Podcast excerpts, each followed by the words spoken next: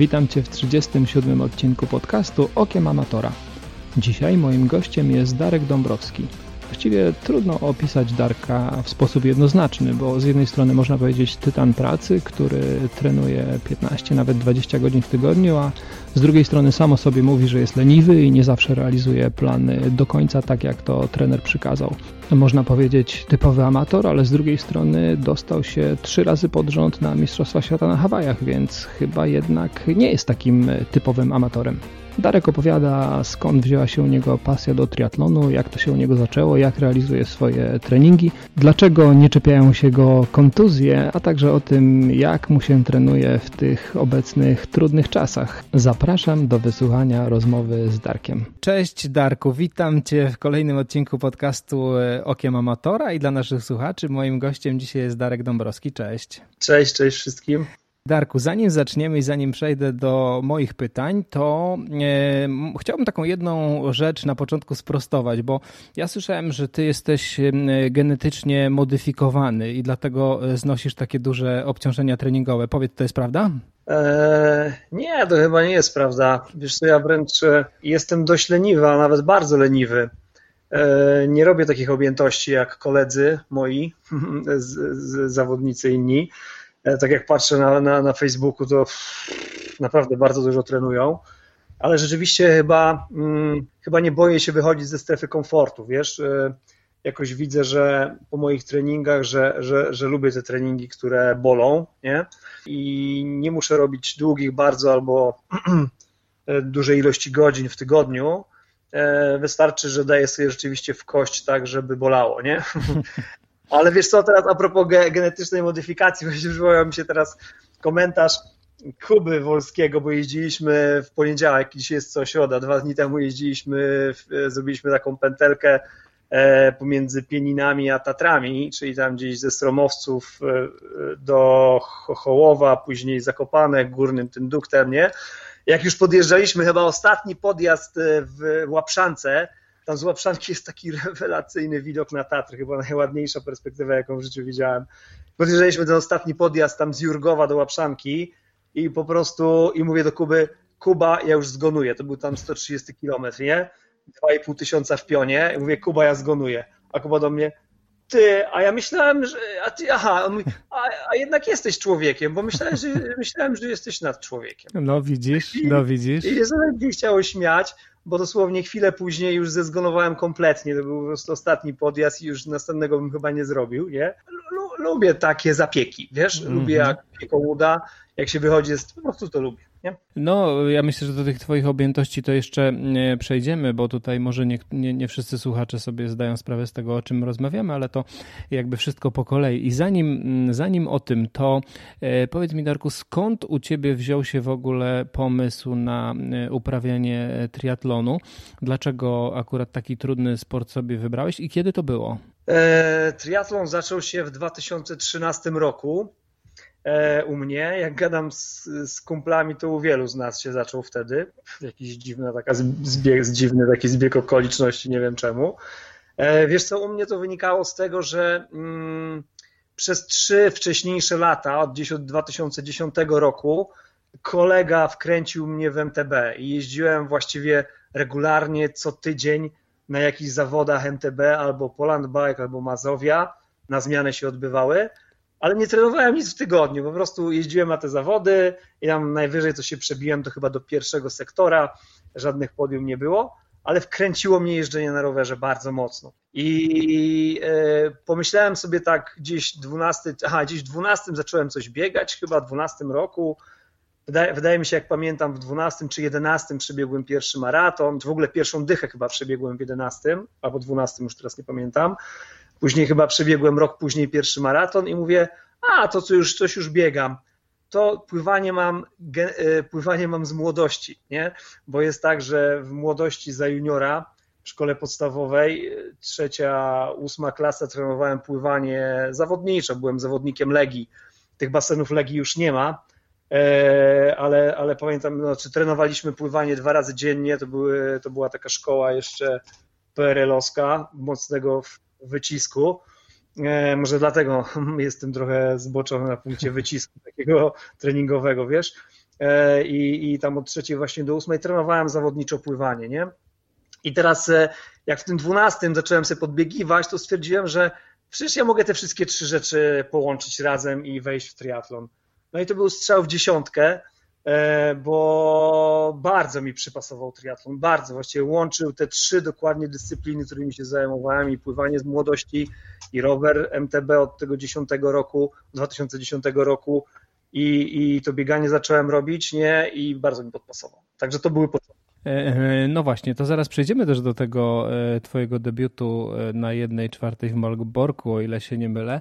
Mhm. Ale zanim, zanim o tym, to powiedziałeś, że zacząłeś od pływania w trzeciej klasie szkoły podstawowej. A to pływanie tak. to była twoja inicjatywa, czy gdzieś tam bardziej rodzice cię popychali? Jak to wyglądało? Rodzice.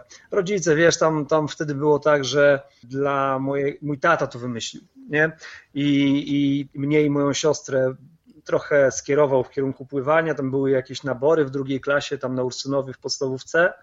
E, myśmy jakoś z siostrą dobrze, dobrze wypadli na tych naborach i, i od trzeciej klasy zacząłem jeździć do szkoły tej sportowej na tyłach Kina Luny. To jest szkoła Sempołowskiej, chyba ulica, może nazwa była Sempołowskiej, już nie pamiętam. to jest jedna taka szkoła na tyłach Kina Luny. Jak wychodzisz z Kina Luny, to wchodzisz na tą szkołę, nie? E, zresztą kupę, spora część znajomych, którzy są w triatlonie teraz, też się wywodzą z tej szkoły z pływania. Jacek e, Nosowski, chyba Seba Front też. E, wielu nas tam było. I wiesz co, no i tak, tak, no mieliśmy tam szkołę. Rano przed szkołą od siódmej na Legii trening dwugodzinny, pływacki, do szkoły na 9.50 pamiętam po południu z powrotem na tereny Legii i bieganie właśnie wokół kanałku. Pamiętam, że tam biegaliśmy wokół tego kanałku jako trening na lądzie i później znowu dwie godziny basenu, tam 4-5 kilometrów pływania aż do 18-19 wieczorem i powrót do domu, nie? No ale wracając do pytania, tak, to tata mnie pchnął w to. Mhm. Kurczę, ale to, to taki dosyć ciężki chyba mm, reżim dla młodego człowieka, no bo w trzeciej klasie szkoły podstawowej ile się ma? 10 lat, jeżeli dobrze liczę, a tutaj mówimy o dwóch treningach e, na basenie, plus jeszcze ten trening na lądzie, to tak e, sam z siebie tak się pilnowałeś tego, bo okej, okay, tato cię popchnął, ale to albo faktycznie cię tam zaganiał na ten każdy trening codziennie, albo gdzieś to musiało w tobie siedzieć, że, że faktycznie taki reżim ci odpowiada. Wiesz co, e, już dokładnie nie pamiętam, czy aż taki był od trzeciej klasy, ale na pewno czwarta, piąta już był taki reżim. E, I nawet teraz, jak porównuję z, z dziećmi znajomych, którzy uprawiają pływanie, e, to nawet widzę, że nie ma teraz takiego wycisku. Wiesz, nie ma tak, żeby to były w czwartej, piątej klasie dwa treningi pływackie po dwie godziny, nie? Jakoś teraz jest inna szkoła, dlatego nazywam to szkołą, wiesz, radziecką, taka radziecka szkoła pływania to była. E, pozdrawiam trenera Piotrowskiego, ostatnio go spotkałem na, na, na Polonii i trenera Gozdalika też z Polonii. Pozdrawiamy. E, e, ale, ale tak, no tak, wiesz co, nie zastanawiałem się, wiesz co, byłeś w pewnym rytmie, w pewnym takim rygorze treningowym i to się działo po prostu automatycznie. Ja tam specjalnie chyba nawet nie miałem wyboru, po prostu w tym byłem zanurzony, nie? E, oczywiście w pewnym momencie już tam przed moim odejściem znaczy wiesz co, moje odejście rozpoczęło się od tego, że zaczęły się jak to, jak to w takim wieku, wiesz, trochę inaczej zaczęli e, dorastać kumple, ja, zaczęły być duże różnice w wynikach, nie? E, zacząłem odstawać z tym pływaniem, ale się okazało, że świetnie biegam wokół tego kanałku, nie? I, i trener, trener Piotrowski nawet mówił, żebym poszedł w pięciobój nowoczesny, ale znowu tata zaingerował, powiedział, że nie będziemy dalej ciągnąć sportu, tylko muszę iść coś bardziej, nazwijmy to, naukowego, a nie sportowego.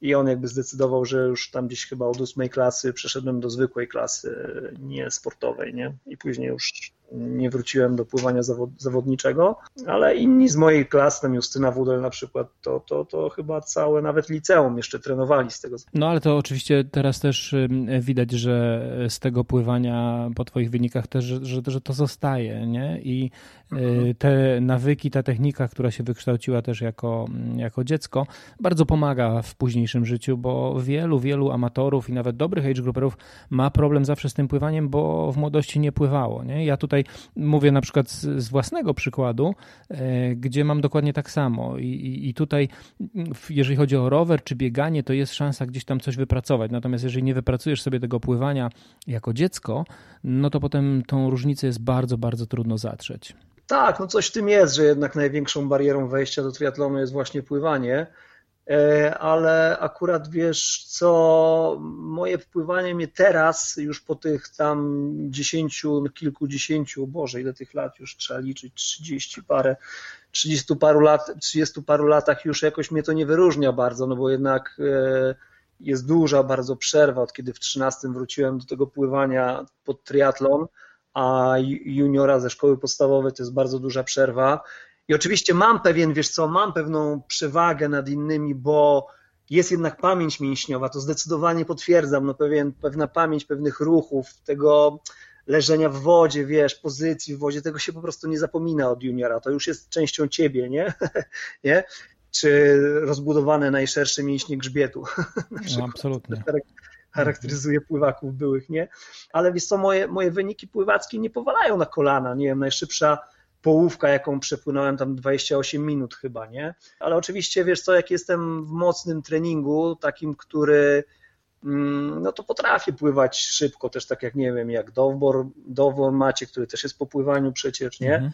Czy Radek Pawłowski, który też gdzieś tam w jej w Stanach trenował pływanie. E, więc tak jak chłopaki, no trzymam w miarę ich, te, ich tempo, ale to muszę być w takim pełnym gazie, żeby trzymać to tempo, nie?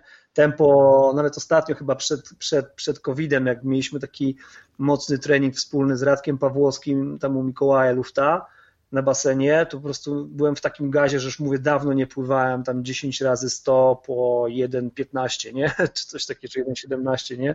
Mówię, uch, no ale co z tego, że w takim gazie byłem dopiero co, jak od dwóch miesięcy jest stagnacja, się nie dzieje nic, posłuchaj, plus 6 kilo w górę. Przepadło. Zapomniałem, co to jest sport, słuchaj. Przejdziemy sobie jeszcze do tego. To teraz wróćmy na chwileczkę do tego Malborka. To była jedna czwarta w 2013 roku. E, powiedz mi, jak wspominasz ten debiut? To był bardzo śmieszny debiut, bardzo śmieszny, bo tak wziąłem samochód, zapakowałem rower MTB, bo taki miałem po tych moich, wiesz, przygodach z Poland Biking Mazowią, e, ale wcześniej na Allegro kupiłem szosę, tak w ciemno, nie? Bardzo fajną szosę zresztą i mam ją do dzisiaj od tych tam ilu, siedmiu czy ośmiu lat, nie? Cuba takiego fajnego. I, I tą szosę odebrałem, ona akurat była do odbioru tuż po trasie do Malborka. Odebrałem, i posłuchaj, w ogóle nie jeździłem na szosie wcześniej w ogóle, nie wystartowałem na tej szosie, e, ale czekaj, zacznę od początku. Pamiętając o tym, że, że mam background pływacki, kozaczyłem, wiesz, ustawiłem się w pierwszej linii pod mostem, nie, pod tym mostem w Malborku, mówię, co oni mi mogą, ja jestem po pływaniu, ja to rządzę w pływaniu, nie, Boże, chłopie, co tam się wydarzyło, to była masakra po prostu jak ruszyli, to oni, oni mnie po prostu utopili, prawie wszyscy po mnie przepłynęli, posłuchaj, naprawdę przysięgam, gdzieś zostałem na samym końcu tej stawki, płynąc na grzbiecie, bo nie mogłem złapać oddechu, e, to była jakaś kosmiczna masakra. E, i później e, na rowerze, tam chyba jeszcze jeden numer odwaliłem w Malborku, bo chyba, o ile pamiętam, tak, to było tak, że wziąłem piankę windsurfingową, bo już wtedy windsurfing się bawiłem i widziałem, że pływają w piankach, to posłuchaj, założyłem taką piankę z krótkim rękawem windsurfingową, a ta pianka po prostu cała się wodą wypełniła, nie mogłem w niej płynąć, nie? No w każdym razie efekt był taki, że wylądowałem po pływaniu gdzieś daleko, byłem tak wkurzony, że zapiekałem na tym świeżo kupionym rowerze szosowym, że siwy dym szedł po prostu, nie? Po uch, całkiem nawet jak patrzę w te wyniki, to wykręciłem całkiem dobry czas tego roweru na tą jedną czwartą, nie wiem, 1,15 czy coś, trzeba by zobaczyć w wynikach, nie? I wiesz co, i zacząłem bieg i po prostu byłem zgonem na biegu, kompletnym zgonem. Pamiętam, że biegłem 6-0, tak dokładnie, bo chyba 60 godzin zajęło mi przebiegnięcie tych 10 e, kilometrów. Jeszcze miałem Endomondo gdzieś tam w komórce na ręku, wiesz, tak tam kibice się śmiali, że z komórką biegam, nie? Tak było dokładnie, śmiali się z Ale w każdym razie to był debiut, posłuchaj, no yy, mega śmieszny właśnie i przez płynięcie w piance windsurfingowej i po tym jak mnie zatopili i ten rower rzezowy kupiony dopiero co odebrany, nie? I to 6-0 tempo na dychę na koniec, nie? No, ale wiesz, później tam właśnie, tam pamiętam, spotkałem po raz pierwszy w tej strefie zmian Mikołaja Lufta i tak patrzyłem na niego, tak wow, nie? I Maciek Dowbor tam był i, i, i, z tego co pamiętam również znany nam wszystkim Marcin Konieczny tam był. Wszyscy, wszyscy ci hopy, wszyscy ci hopy, którzy, których teraz znam bardzo dobrze i oni mnie wtedy byli dla mnie jakimiś celebrytami, nie? Bardzo fajne, bardzo fajne wspomnienia. W ogóle z tą pianką e, windsurfingową to ja, ja, się nie znam na konstrukcji takiej pianki, ale mi się wydaje, że ona jest dosyć gruba i chyba mocno krępuje ruchy, czy nie? Nie, wiesz co, akurat miałem z krótkim rękawem, to nie, nie krępowane jest bardzo, ale chodzi o to, że ona to nie jest tak jak pianka do pływania, że ona przylega do ciała, no po prostu jest takim workiem na wodę, wiesz co? co ma dawać tylko ciepło, bo ona ma ogrzewać, jak pływasz na windsurfingu, ale absolutnie ma nie, nie, nie pomagać pływaniu, więc jak ona tej wody nabrała do środka, to ja byłem takim bąblem z wodą, jednym wielkim, nie? To straszne, jakaś hamowała mnie strasznie, nie? Nawet teraz, wiesz co, takiej, jak teraz właśnie byłem w tych pieninach, to tam, tam znajomi mają domek w, w Pieninach, w Sromowcach i tam zresztą teraz nasza przyczepa stoi. Chodzi o to, że Nela ich właśnie trenuje pływanie, nie? Ja Wojtka namawiałem, mówię, i oni pływali sobie, Wojtek to jest tato i pływali sobie w, w, piankach windsurfingowych w tym potoku pienińskim, w tym Dunajcu, nie? I ja mówię, Wojtek, kupnęli piankę pływacką, mówicie, jak teraz są baseny, to będzie w ogóle nieporównane, jak ona trenuje zawodniczo pływanie, to sam zobaczysz, nie? No i właśnie świeżo im przywiozłem teraz w weekend piankę pływacką i tak opowiadałem tą historię z Malborka też, jak to pływają. A powiedz mi jeszcze z tym rowerem, mm, to jechałeś pierwszy raz na szosie, tam miałeś tak. pedały y, platformowe, czy takie wpinane? Wiesz co, wydaje mi się, że przekręciłem, bo miałem tylko buty wzięte do MTB tych pedałów SPD, nie? E, I przekręciłem chyba sobie pedały SPD do tej szosy. Jechałem w tych butach z, z, z SPDami, nie? Tak o ile pamiętam teraz. Nie miałem na pewno platform. Co wydaje mi się potem bardzo ciekawe, to twój, może nie kolejny bezpośrednio, ale w tym samym roku już zdecydowałeś się wystartować na połówce a połówka w pierwszym roku uprawiania triatlonu to taka dosyć odważna decyzja. W suszu zresztą. Tak, tak było. Wiesz co, bo e, moim takim wtedy mentorem trochę triatlonu był kolega właśnie z tego windsurfingu, bo myśmy gdzieś od 2000, ojejku, już nie pamiętam, 5-6 roku jeździli na taki kamp windsurfingowy koło Łeb do, do miejscowości Sarbsk, nad Sarbsko Lake, nie? E, camping się Zahabenda i tam żeśmy windsurfing łoili i tam był kolega, który posłuchaj, uprawiał triatlon, jak on jeszcze nie był taki modny. Radek e, Zwoliński z Łodzi, e, kardiolog. E, zresztą Radek jest też, już teraz trochę mniej w triatlonie się udziela, ale wtedy się udziela w triatlonie mocno. On był takim bardzo skromnym człowiekiem, kiedy zrobiliśmy sobie taki, taki challenge, posłuchaj, napinałem muskuły, mówię, objadę to jezioro Sarbsko na rowerze, MTB 21 km. Uch, objechałem to jezioro, Radek przychodzi, mówi, jak poszło, dobrze, dobrze, a wiesz, że właśnie obiegłem to jezioro, nie? I wiesz, Radek Zwoliński obiegł to jezioro, 21 kilometrów. Dla mnie był Bogiem wtedy, nie? To był rok, nie wiem, 2011, nie? I jak wchodziłem w triatlon, to Radek był takim trochę moim mentorem, takim trochę mm, wzorem i dlatego e, rzeczywiście ćwiartkę w Malborku zrobiłem jako taki debiut. Rzeczywiście dwa tygodnie później, nie pamiętam, to był, to był susz, jak zrobiłem połówkę w suszu, ale najciekawsza rzecz jest przed nami, wiesz. Ja, tam... wiem, ja wiem, co zrobiłeś dalej.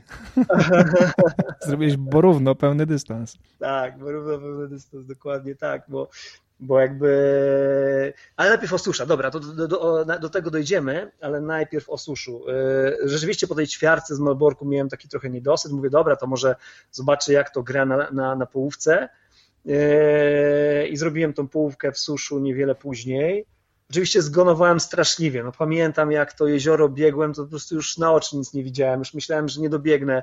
Przychodziłem do chodu. Nie pamiętam już jaki czas tam zrobiłem. 5 godzin 20 czy 5.40, przysięgam. 5.40 troszkę, no.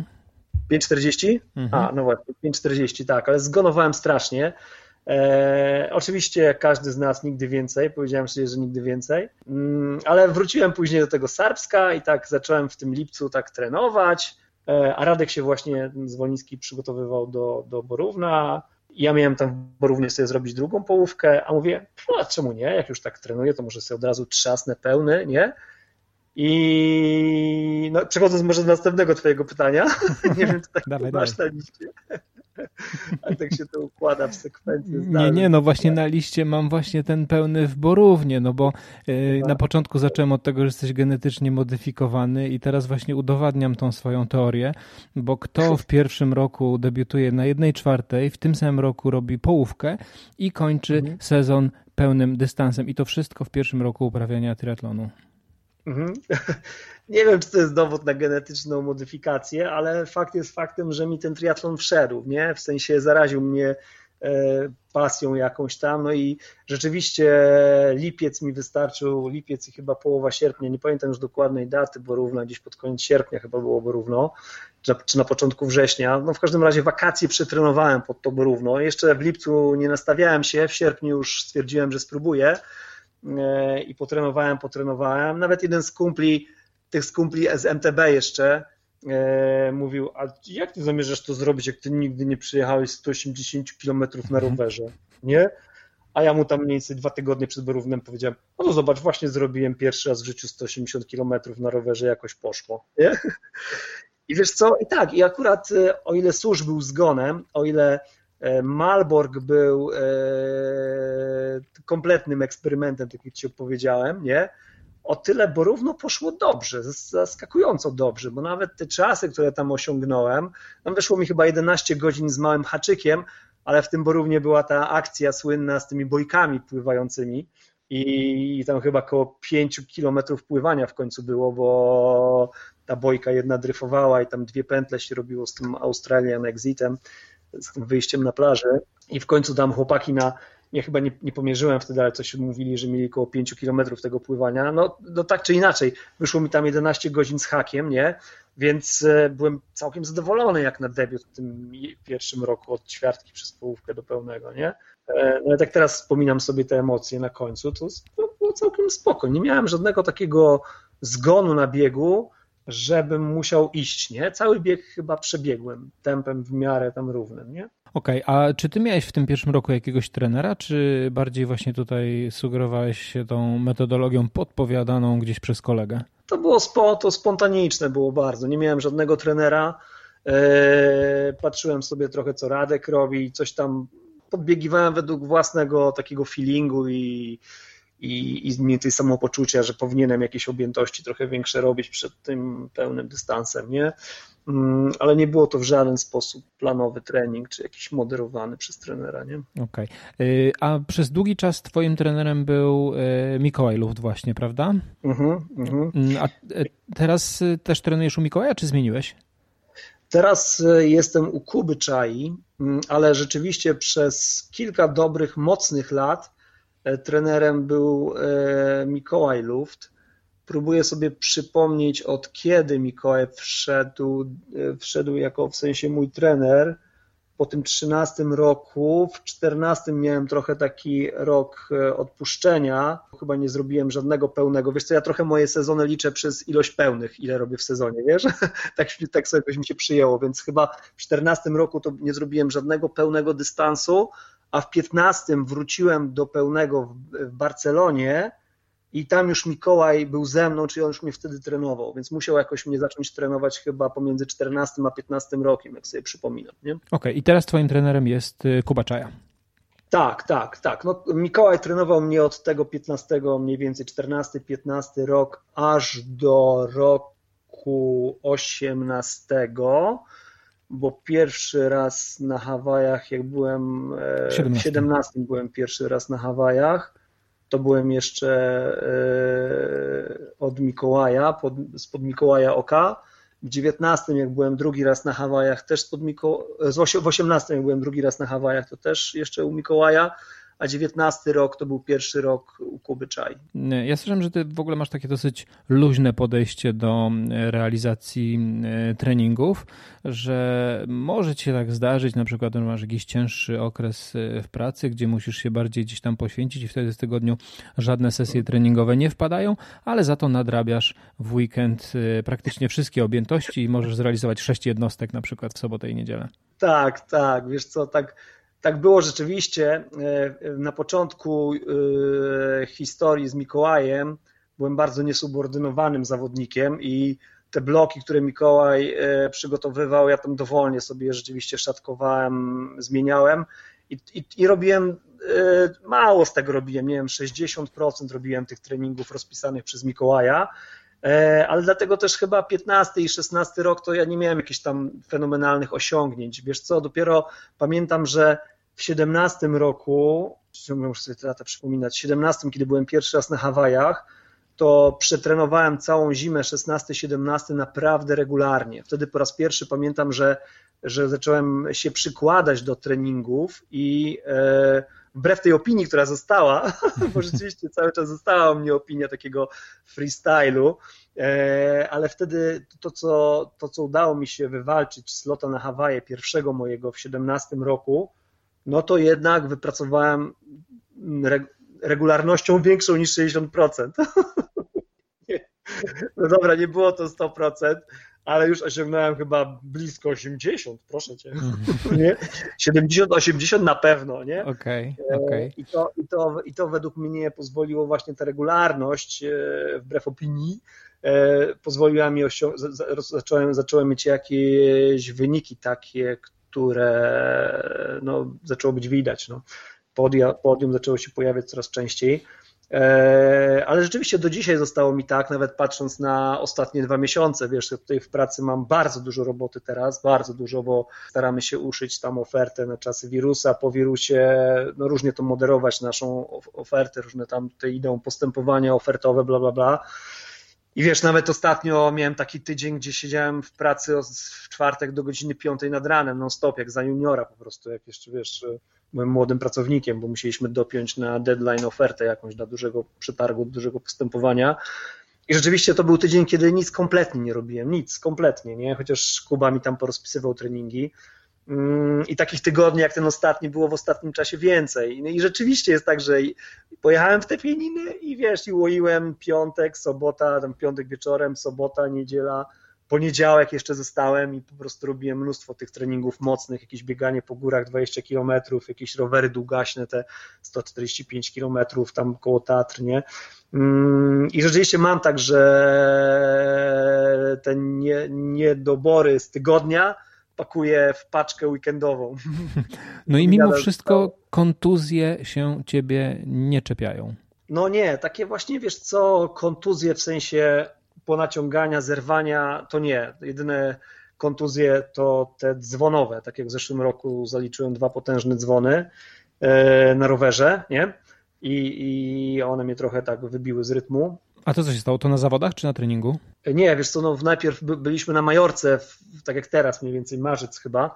Marzec, rok temu byliśmy na Majorce na obozie z Kubą, z CTS-em, nie?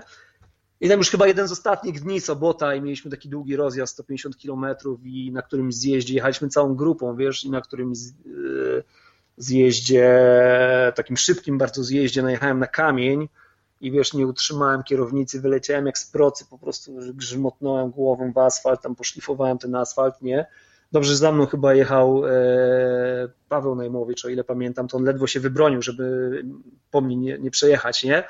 E, no ale w każdym razie miałem taktu, wiesz, poharatany cały bok, zbite biodro, na szczęście nie złamane, nie?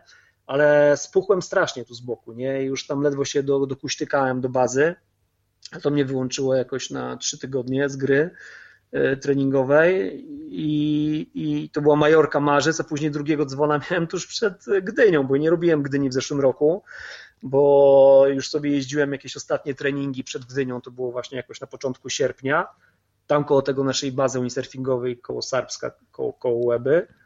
No i mi się, wiesz co, na takim mocnym jakimś zadaniu typu, nie wiem, tam ileś minut, e, minuta razy 10 po tam, nie wiem, 400 coś, czy ileś watów, gdzie, wiesz, po prostu wyciskasz te waty na stojaka jak największe, wypiął mi się pedał i wyleciałem znowu tak samo jak na Majorce, po prostu wyleciałem, grzmotnąłem czachą, ledwo się pozbierałem, wiesz, karetkę wzywałem, bo to było gdzieś w środku lasu, nie mogłem w ogóle dojść do siebie, nie? Więc e, karetkę do Lęborka, bla, bla, bla, bla, bla, no ale już się nie pozbierałem, próbowałem wystartować w Gdyni, ale miałem takiego ogromnego krwiaka z boku, który mi, wiesz, nachodził krwią i tam nie byłem w stanie w ogóle pedałować nawet, więc ruszyłem, pływanie zrobiłem chyba w Gdyni, ale po pierwszych kilometrach roweru odpuściłem, nie? No i byłem, wiesz, właściwie wyjęty byłem też cały sierpień z treningów, bo musiałem się trochę dochodzić do siebie. Mhm. No tak, to, to, to zrozumiałe. No to faktycznie to jeżeli chodzi o kontuzję, to e, masz szczęście. Jeżeli chodzi o te przypadki takie rowerowe, no to, to niestety może się zdarzyć. E, może się no ale zdarzyć. wiesz, w jednym roku zaliczyłem dwa dzwony, to już raczej liczę, że już wypełniłem statystyki. I oby, oby, tak, oby tak właśnie było.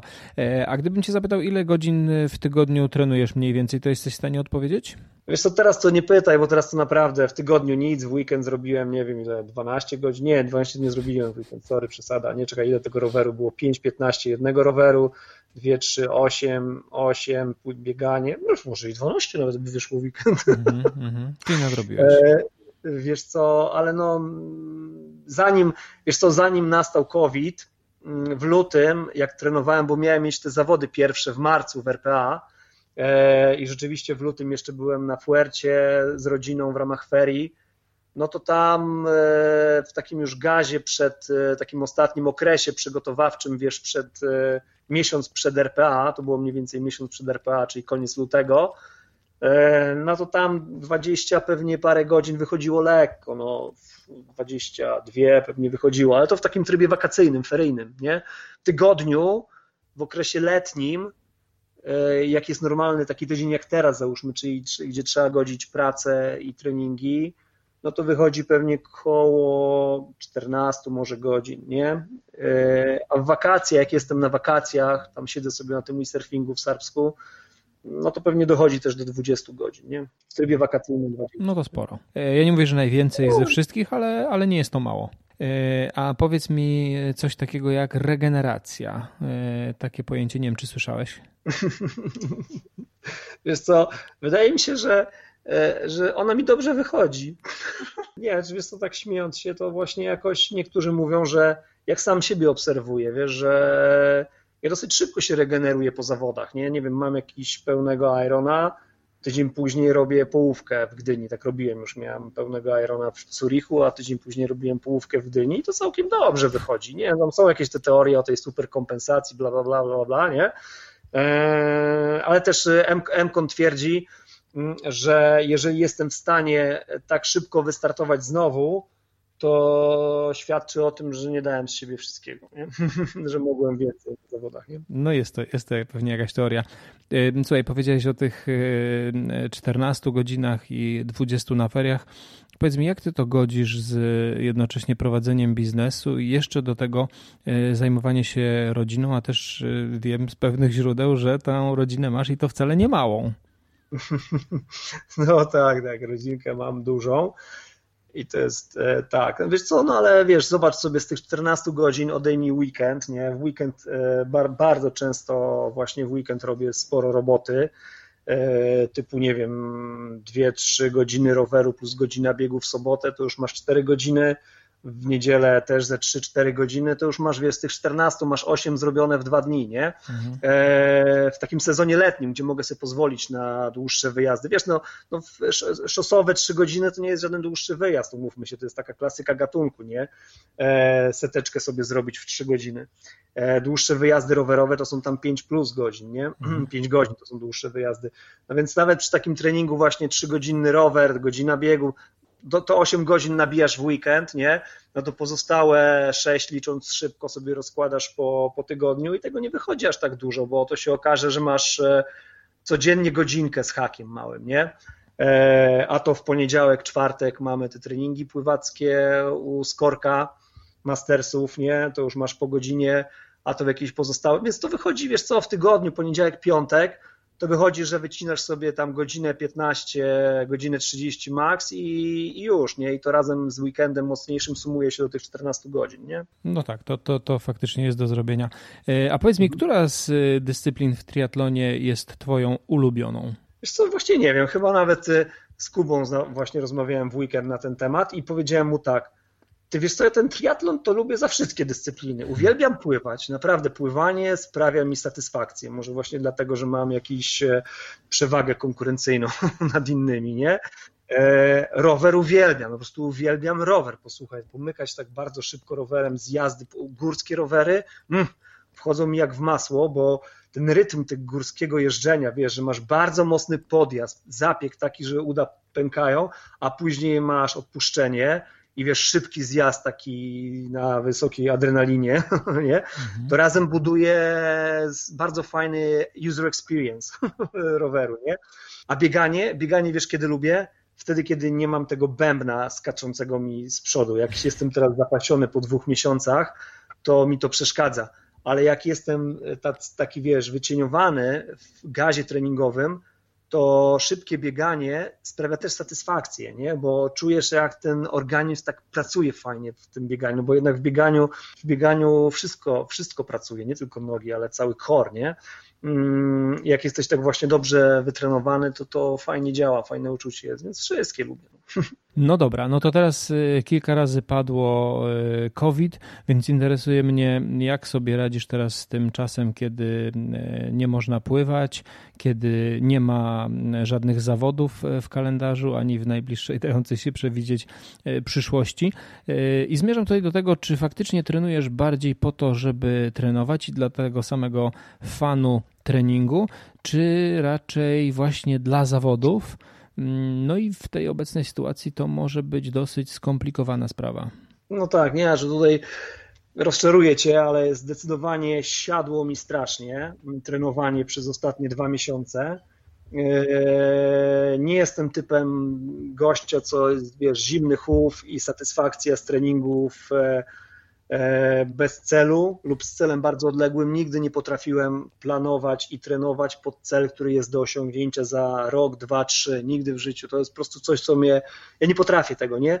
Ja potrafię trenować do celu, który jest za trzy miesiące, nie? Spiąć e, za przeproszeniem pośladki i w dwa miesiące zrobić bardzo mocny trening do pełnego Irona, który mam za dwa czy trzy miesiące. Taka perspektywa jest dla mnie do ogarnięcia i potrafię się zmotywować jeśli coś jest za 2-3 lata, w ogóle kompletnie to do mnie nie przemawia. I teraz no, ten COVID sprawił, że mi kompletnie siadło. No, od dwóch miesięcy nie robię praktycznie nic poza weekendowym nadganianiem tygodni. Rzeczywiście. Brak zawodów i brak celu sprawia, że no nie jestem w stanie się zmotywować do takich zapiekanych treningów, nie? No teraz już jest trochę przełamanie, bym powiedział, bo jednak te dwa miesiące i to sadełko, które urosło, o którym mówiłem już i to, że, że, że jednak e, coś tam zaczyna być widać, no chociażby już teraz sobie powiedziałem, że za 6 miesięcy zaczyna się sezon, bo na listopad przełożone są zawody RPA, mhm. na 15 listopada, więc mówię, no dobra, to sobie to oznaczyłem jako cel, jako zawody A, czyli listopad jest za 6 miesięcy, to akurat jest sam raz, żeby zacząć się przygotowywać. Czyli trochę traktuję te dwa miesiące ostatnie jako taki czas roztrenowania, wiesz, nie? Bo niby rzeczywiście do lutego jeszcze ciągnąłem mocno, no bo miało być RPA w marcu. E, robiłem bardzo mocne te treningi jeszcze na Fuercie jak byłem. Później siadło kompletnie i te dwa miesiące ledwo co robię, więc to taki trochę, wiesz, roztren, nie? nie? I teraz po okresie roztrenowania w połowie maja przystępuje do przygotowania do sezonu listopadowego. Okej, okej, okay, okay. czyli tak naprawdę sezon się po prostu przesunął i to myślę bardzo tak. dobre podejście jest. Tak, Dobra. Tak. E, dobrze, pójdziemy sobie teraz do roku 2017, gdzie e, robiłeś kwalifikację, pierwszą kwalifikację swojego pierwszego slota na Hawaje i zrobiłeś to w Curychu. E, powiedz mi, jakie to było uczucie zrobić kwalifikację na Kona i czy jechałeś faktycznie tam z takim e, celem i przekonaniem, że to się uda? Wiesz co, to był rok ten słynny, w którym odbywały się w marcu właśnie e, najpierw Mistrzostwa Polski Afryki Południowej. Słyszałeś o tym? Nie? Tak, oczywiście. Że był taki wtedy żarcik, że tam pojechało mnóstwo Polaków, bo 12 slotów, bo w kategorii, bo duże szanse to RPA mi kompletnie nie poszło, kompletnie, mimo tego, że rzeczywiście zimę przetrenowałem, o tym mówiłem na samym początku, nie, że regularność, no do 80% dociągnąłem z regularnością, e, ale tam miałem, wiesz co, i na rowerze jakiegoś laczka, w sensie mm, nie mogłem sobie poradzić z zmianą tej koła, czy nie działał, ten spray nie działał, no coś kombinowałem strasznie, w końcu sobie jakoś poradziłem, ale już byłem w plecy, no i później na biegu, nigdy w życiu, nigdy przysięgam, nie biegłem tak, żebym jak ruszam na bieg po rowerze, to od pierwszego kilometra czuję, że czwórki mięśnie są kompletnym betonem i bolą tak, jakbyś już miał koniec maratonu, nie? A to był pierwszy kilometr, nie? Ja myślałem, że nie przetrwam tego biegu, ale jakoś tam zaciąłem zęby i przetrwałem ten bieg, ale to nie były udane zawody, ale i dlatego właśnie między innymi chciałem w tym roku zrobić e, drugie podejście do RPA, nie? E, I zobaczymy, czy się w listopadzie uda. Ale jak gdyby do czego zmierzam? Wchodziłem w sezon wiosenny w Polsce bardzo dobrze przygotowany, wiesz, bo ten przetrenowany na zima pod RPA, trochę odpuszczenia po RPA, okazało się, że wiesz, tutaj w sezonie e, wiosennym, letnim w Polsce okazało się, że to bardzo dobrze oddaje, nie? I w związku z tym tam czerwiec, lipiec, e, czerwiec chyba zacząłem trenować e, pod Zurich, stwierdziłem, że sobie spróbuję w Zurichu. No i w Zurichu poszło bardzo dobrze, nie? I to rzeczywiście, jak wpadłem na metę i Monika, moja żona, powiedziała mi, że jestem piąty i że slotów jest pięć, to byłem w mega szoku, nie? A wiesz co, jeszcze bardziej byłem w mega szoku, bo pamiętam rok szesnasty, czyli rok wcześniej, i w 16 roku startowaliśmy na pełnym, startowałem na pełnym dystansie w, na Majorce. Tam też było sporo chłopaków. Był, był, był Bartek Zych, był e, Dowbor nawet e, tam chyba debiutował. I w każdym razie pamiętam jak dzisiaj, jak byłem na tej gali rozdania slotów i byłem, posłuchaj, 17 w kategorii M40 chyba, nie? I myślę sobie tak wtedy na, na, na, na tej Majorce, kurczę, jednak to jest chyba mission impossible, żeby dojść do piątego miejsca, żeby dostać slota na Hawaje, nie? Posłuchaj, nie minęło dużo wiele, rok czasu i ja w Zurichu jestem piąty, nie? No i byłem w szoku. No i jak nie? to się stało? Po prostu zacząłeś y, stosować się do zaleceń trenera. No, no jakby nie patrzeć, to, to jest jedyna konkluzja, posłuchaj, sensowna. zacząłem, się, zacząłem rzeczywiście regularnie trenować, nie? E, plus to, że nie trenowałem na ostatnią chwilę, jak to jak zwykle, czyli a za trzy miesiące mam zawody, to rozpoczynam przygotowania, tylko dzięki temu nieudanemu RPA i przygotowaniom do, RPA, do tego RPA przez całą zimę, byłem jak gdyby long term, długoterminowo przygotowany, nie? I to do, do, dokręcenie w sezonie wiosennym i czerwiec było po prostu takim, wiesz, już y, do, dokręcaniem, do, dokręcaniem formy, nie? I to po prostu pięknie odpaliło wtedy w Zurichu, nie? No a jak wspominasz swoje pierwsze Hawaje? no byłem tam z Marcinem Koniecznym, e, więc to były takie dosyć kultowe Hawaje, mhm. E, ale już jak jechałem tam, to mówiłem nawet Marcinowi, że jadę raczej rozpoznawczo, no jak my wszyscy, którzy, wszyscy, wszyscy, którzy byli na Hawajach, to jednak pierwszy, pierwszy tam pobyt, pierwsze starty były raczej rozpoznawcze. E, I wiesz co, i, i tak pojechałem trochę rozpoznawczo, chociaż oczywiście tam wrzesień, pamiętam, przetrenowałem dosyć mocno tu w Polsce e, i, i to generalnie te Hawaje były bardzo ciężkie, bo po raz pierwszy zetknąłem się z taką temperaturą i wilgotnością. Nie? Tam wilgotność na tych Hawajach to powala po prostu. Wysiadasz z samolotu i masz saunę i myślisz sobie, ty musisz tej saunie zrobić pełnego irona, nie? Mhm. To jest całkowicie nowe doświadczenie. Nie? E, I nawet jak mówią, że Lanzarote jest podobna do Hawajów, no to nie jest podobna. Jest podobna, ok, przewyższeniami, e, ale na rowerze, ale, ale pod względem temperatury i wilgotności to absolutnie Hawaje są nie do porównania. Nie? E, nie startowałem w żadnych Wietnamach ani nigdzie tam, więc nie wiem jak tam jest, nie? Ale Hawaje tak, no uderzyła ta sauna było ciężko, ale powiem Ci, że całkiem tam poradziłem sobie. Znaczy myślałem, że myślałem, że ten. Aha, bo ja tam miałem jeszcze dzwona oczywiście na rowerze, bo mnie rozjechał amerykański kierowca pick-upem. E, nie wiem, czy słyszałeś tą historię. Nie, nie, nie. E, no, byłem na treningu tam chyba drugi dzień po przylocie. Gość jechałem bokiem, gość mnie strąbił, zjechałem trochę na bok, ale nie przekraczałem linii pobocza, bo tam były jakieś kamienie na poboczu chyba gościowi się to nie spodobało, wiesz, wyprzedził mnie takim wielkim pick-upem i zajechał mi drogę tak, że nawet nie byłem, nie zdążyłem się podnieść z Lemondek, po prostu cały czas byłem w pozycji czasowej, się wbiłem w niego, wyleciałem na asfalt, wiesz, tam głowa oczywiście w ten, porysowałem się, później na chwilę straciłem, wiesz, w ogóle pamięć, gdzie ja jestem, on uciekł, pojechał, nie? No i wiesz, i zebrałem się jakoś, na ten rower wsiadłem, poprostowałem go, ale miałem skręconą kostkę i poharatane całe plecy, takie mocno poszlifowane. Zgłosiłem to na policję, ale nie pamiętałem nic, jaki to był samochód, więc nic specjalnie nie osiągnęli, nie osiągnęli. Ale myślałem, że już są, to było, posłuchaj, tydzień przed zawodami, no to był czwartek, a zawody są w sobotę, nie? W sobotę za tydzień, następny tydzień, czy to był tydzień z, plus dwa dni, nie? E, więc myślałem, że już posprzątane po zawodach, nie? Mm, ale wiesz, tam kostka jakoś trzy dni i przestała e, puchnąć, w sensie zaczęła schodzić opuchlizna, szlify na plecach no oczywiście piekły w wodzie, ale już tydzień później już były na tyle wygojone, że dało się pływać. I, i okej, okay, te zawody poszły całkiem nawet dobrze, bo tam wylądowałem chyba 40, któryś w kategorii M40 M40, więc jak na, na debiut to było całkiem spoko, nie? Mi się wiesz, wydawało, że mimo wszystko te zawody na Hawajach to dla tych mieszkańców lokalnych jest to taki rodzaj pewnego święta na wyspie i ci wszyscy turyści odwiedzający, którzy tam przyjeżdżają, to są mile widziani i oni sobie zdają sprawę z tego, że tak przez te dwa tygodnie, trzy, nawet przed zawodami to jest sporo ludzi trenujących i gdzieś to jest taki pewnie naturalny klimat tej wyspy, że w październiku troszkę się zmieniają zasady.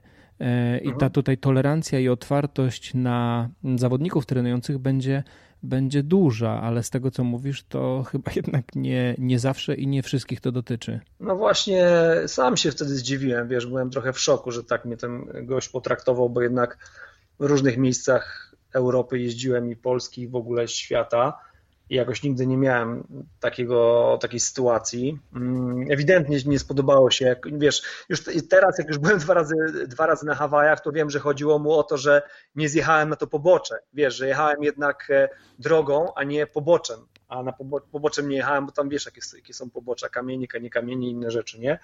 E, więc gość chciał mnie chyba nauczyć e, mm, i Moresu, więc dlatego tak mi zrobił kuku. Mm, ale wiesz co, tam było kilka innych dzwonów też, e, chyba prosi mieli jakiś, nie pamiętam, to oczywiście Tim Don też miał tam dzwony, ale to chyba na zawodach, o ile pamiętam, już nie pamiętam szczegółów, nie? Tak. Ale było tam chyba ze dwa inne takie dzwony z samochodami i tam generalnie na Hawajach chodził taki trochę opinia, że trzeba uważać na tych kierowców, bo nie wszyscy są jednak tak przyjaźni, jakby to się wydawało. Nie? No dobra, idziemy do roku 2018, czyli kolejnego roku po Twoim debiucie na Hawajach, i tutaj znowu mam dowód na moją tezę z samego początku naszej rozmowy, bo zrobiłeś trzy razy e, pełny dystans, e, czyli zrobiłeś Lanzarote, Austrię, no i znowu Kona się udała. Powiedz mi, po co Ci jeszcze ta Austria była? Wiesz co, no Austria była trochę dla jaj, no dla zabawy. Dlatego, Pełny że... dystans dla zabawy. No to jest ciekawa definicja. Wiesz co, no bo ta Austria, y, wszyscy o tej Austrii mówili, o Klagenfurcie, nie? Że jest taka super, że taka kultowa, że super trasa i że w ogóle trzeba tam wystartować.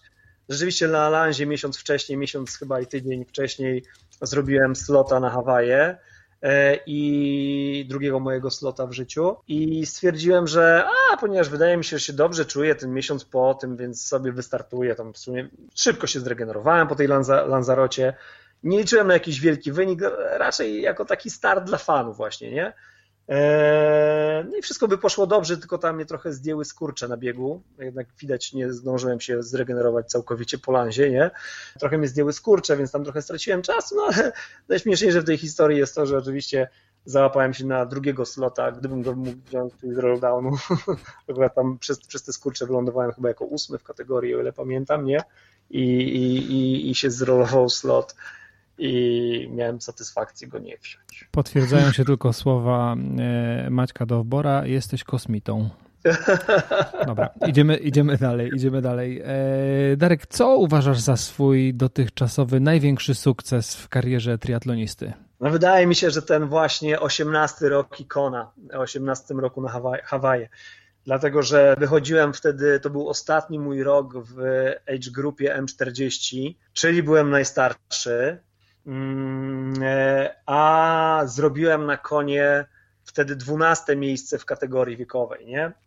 I, i, i, I tak teraz z perspektywy nawet następnej ikony, czyli 19 roku widzę, że to był jednak największy mój sukces i jakby największy boost formy, jaki kiedykolwiek ever zrobiłem, czyli właśnie rok 18 to był najlepszy mój rok, nie? A wiesz dlaczego? Również w tym roku, Również w tym roku 18 zrobiłem najlepszy czas w Gdyni na, na połówce, mój życiówkę na połówce, tam 4 chyba 17, o ile pamiętam, nie? E, dlaczego? Wiesz co, z perspektywy czasu wydaje mi się, że to był efekt e, takiej długo, długoterminowej kumulacji. Wiesz, jak wszyscy ci e, profesjonaliści od treningu wytrzymałościowego mówią o tym, że nie jesteś w stanie się przygotować z miesiąca na miesiąc takim sporcie wytrzymałościowym, jakim jest triatlon długodystansowy, nie? mm, że potrzeba lat budowania tej formy wychodzenia, kolejnych tych etapów wychodzenia ze strefy komfortu, budowania, budowania przyrostu, przyrostu, przyrostu. I wydaje mi się, że właśnie w 18 roku była taka kumulacja tych kilku lat wcześniejszych, wiesz, takiego ciągłego mm, budowania formy i polepszania się, nie? Ale to dobrze, bo to powiało optymizmem, że jest nadzieja dla nas wszystkich amatorów walczących, pracujących ciężko, jest gdzieś tam promyk nadziei. Pewnie nie wszystkim się to uda. Nie każdy z nas zakwalifikuje się trzy razy na Hawaje, ale przynajmniej jest jakaś szansa. No, wiesz co, powiem Ci, że naprawdę, naprawdę ta moja lekcja, którą mam w głowie, czyli rok 16 i, i spostrzeżenie Mission Impossible, nie? I rok później, rok 17 i kwalifikacja na, na konę bez rolldownu z piątego miejsca, to absolutnie potwierdza, że to jest możliwe dla każdego. No. Mam, mam nadzieję, że tak jest, jak mówisz. Pewnie, pewnie wielu, by, wielu by polemizowało, bo też słyszałem o wielu osobach, które próbowały przez wiele, wiele lat i cały czas gdzieś tam bezskutecznie. Ale trzymamy się Twojej wersji, bo ona jest zdecydowanie lepsza. Byłeś na Kona już trzy razy. Co dalej? Wiesz co, no ta Kona ciągle wzywa, no. To jednak, to jednak jest jakieś uzależnienie, posłuchaj, no ewidentnie wiesz, w tym roku, patrząc jakby na rok 18, w 19 roku miałem chęć na sięgnięcie wyżej, mocniej. To się nie udało w 19 roku, mhm. z różnych chyba powodów. No może i przez te dzwony na rowerze, i przez e, to, że może jednak zmęczenie materiału nastąpiło w 19 roku. W 19 jednak nie, nie, wiesz, bo myślałem, że w 19 jak wchodzę w M45, będę najmłodszy w kategorii, to osiągnę na konie więcej niż rok wcześniej, wychodząc z kategorii, nie? Tak, tak. Ale jednak tak się nie stało. Wylądowałem w końcu 13 w kategorii M40. Tam miałem problemy żołądkowe mocne, ale to nieważne. W każdym razie nie, czu, nie czułem takiej mocy, jaką miałem w 18 roku. No, wydaje mi się, że sporo odpuściłem w treningach właśnie przez dzwony, przez tam inne podejście, trochę, trochę zmęczenie materiału, nie? E, ale jakby ta kona i przebicie się przez barierę top ten, czyli wbicie się gdzieś w top, mm, nie? Mniej niż ten. to jest cały czas coś, co mi tu wisi nad głową jako taki motywator, nie? E, I dlatego jak pomyślałem sobie, a dobra, za 6 miesięcy, e, listopad, kolejna kona, która może będzie inna niż pozostałe kony. Coś mi zaczęło teraz dzwonić w głowie, żeby spróbować e, znowu powalczyć na konie o jakąś pozycję wysoką, nie? Teraz mówisz top 10, jak tuż się uda, będziemy mówili o top 5, a potem będziesz walczył o, o podium i tak naprawdę to może być takie never-ending story, e, cały czas ściganie tak. tego, tego celu, ale to dobrze, to dobrze, myślę, że to no, tak naprawdę o to chodzi. Tak, właśnie, tak jak mówisz, no dokładnie, wiesz, ten cel taki postępujący, pamiętaj, że na, pamiętaj, że na konie top 5 to już jest podium, nie? No, no tak, no tak, no tak. ale tak, tak jak mówisz, no to, to jest, wiesz, tak jak e, pytałeś, co mnie motywuje, czy samo trenowanie i jak teraz jest, wiesz, ten czas COVID-u, gdzie wszystko poodwoływane i kompletnie mi siadło, bardzo mnie motywują mm, e, wyniki na zawodach, konkurowanie, ściganie się z innymi, ale w realu, nie w wirtualu. Wirtualne wyścigi kompletnie mi nie wchodzą. W żadnym nie uczestniczyłem na razie z tych VR-ów, które tam są uruchomione, nie? Eee, bo kompletnie mi to nie wchodzi. Ja uwielbiam taką konkurencję, takie, wiesz, ściganie się z ludźmi realnymi obok siebie, nie? To, to mnie bardzo kręci, nie? I to mnie motywuje, no, jak jeżeli podwoływali zawody, to nagle wszystko siadło. E, dobra, e, Darku, mam jeszcze jedno pytanie, ostatnie tak naprawdę, bo mhm. powoli zbliżamy się już do końca naszej rozmowy. E, powiedz mi, jakie masz jeszcze plany na ten sezon? Już wspomniałeś troszkę o RPA. Czy coś jeszcze masz zaplanowane? Oczywiście zdaję sobie sprawę z tego, że te plany są weryfikowane gdzieś tam na bieżąco przez tą sytuację, jaką mamy, ale, mhm. ale co masz obecnie, obecnie w planie i czy ty już masz slota na Kona w tym roku, które zresztą się nie odbędzie, ale odbędzie się w lutym. Nie, nie mam. Właśnie, wiesz co, plan był e, RPA w marcu, przesunięte na listopad.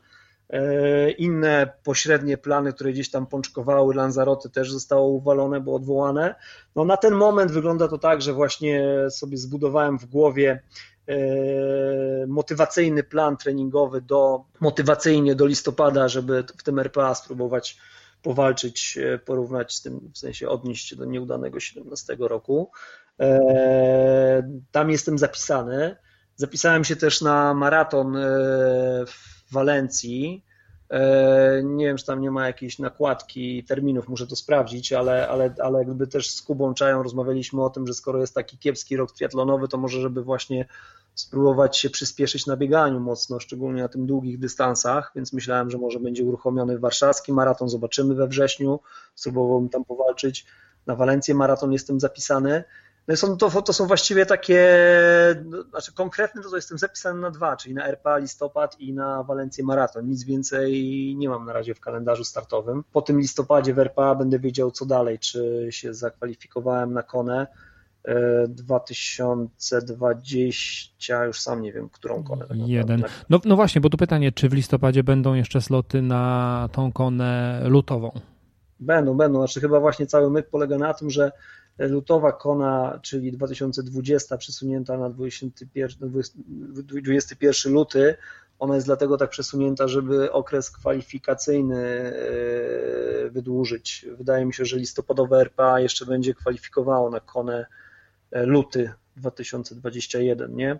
Ale nie jestem tego na stówę pewien, tym bardziej, że sam nie jestem jeszcze pewien, czy to ma sens, nie? Bo wiesz, luty jest specyficzny dosyć. Teoretycznie, patrząc, że to jest niedaleko od listopada, gdybym był rozpędzony do listopada, to może w styczniu by jakiś obóz jeszcze wypalił, to mógłbym spróbować podkręcić przez te Mm, dwa, trzy miesiące formę i żeby jednak ten luty utrzymać, nie? Mhm. E, ale to będę wiedział później, wiesz, dopiero jak będę wiedział, co w ogóle udało mi się wywalczyć w RPA. I trochę mam teraz takie podejście też, że już, już na tej konie byłem kilka razy i jeżeli chciałbym pojechać tam znowu, to chciałbym mieć pewność, że jest o co walczyć, w sensie, że na tyle udało mi się zbudować formę, żebym mógł powalczyć o jakieś wysokie noty, więc będę to widział nawet po wynikach w RPA, wiesz, jeżeli będę na podium w RPA 1, 2, 3 miejsce, to wtedy bym pojechał może na konę, nie? Ale jeżeli będę gdzieś dalej, to raczej nie, no bo w takim wariancie już byłem.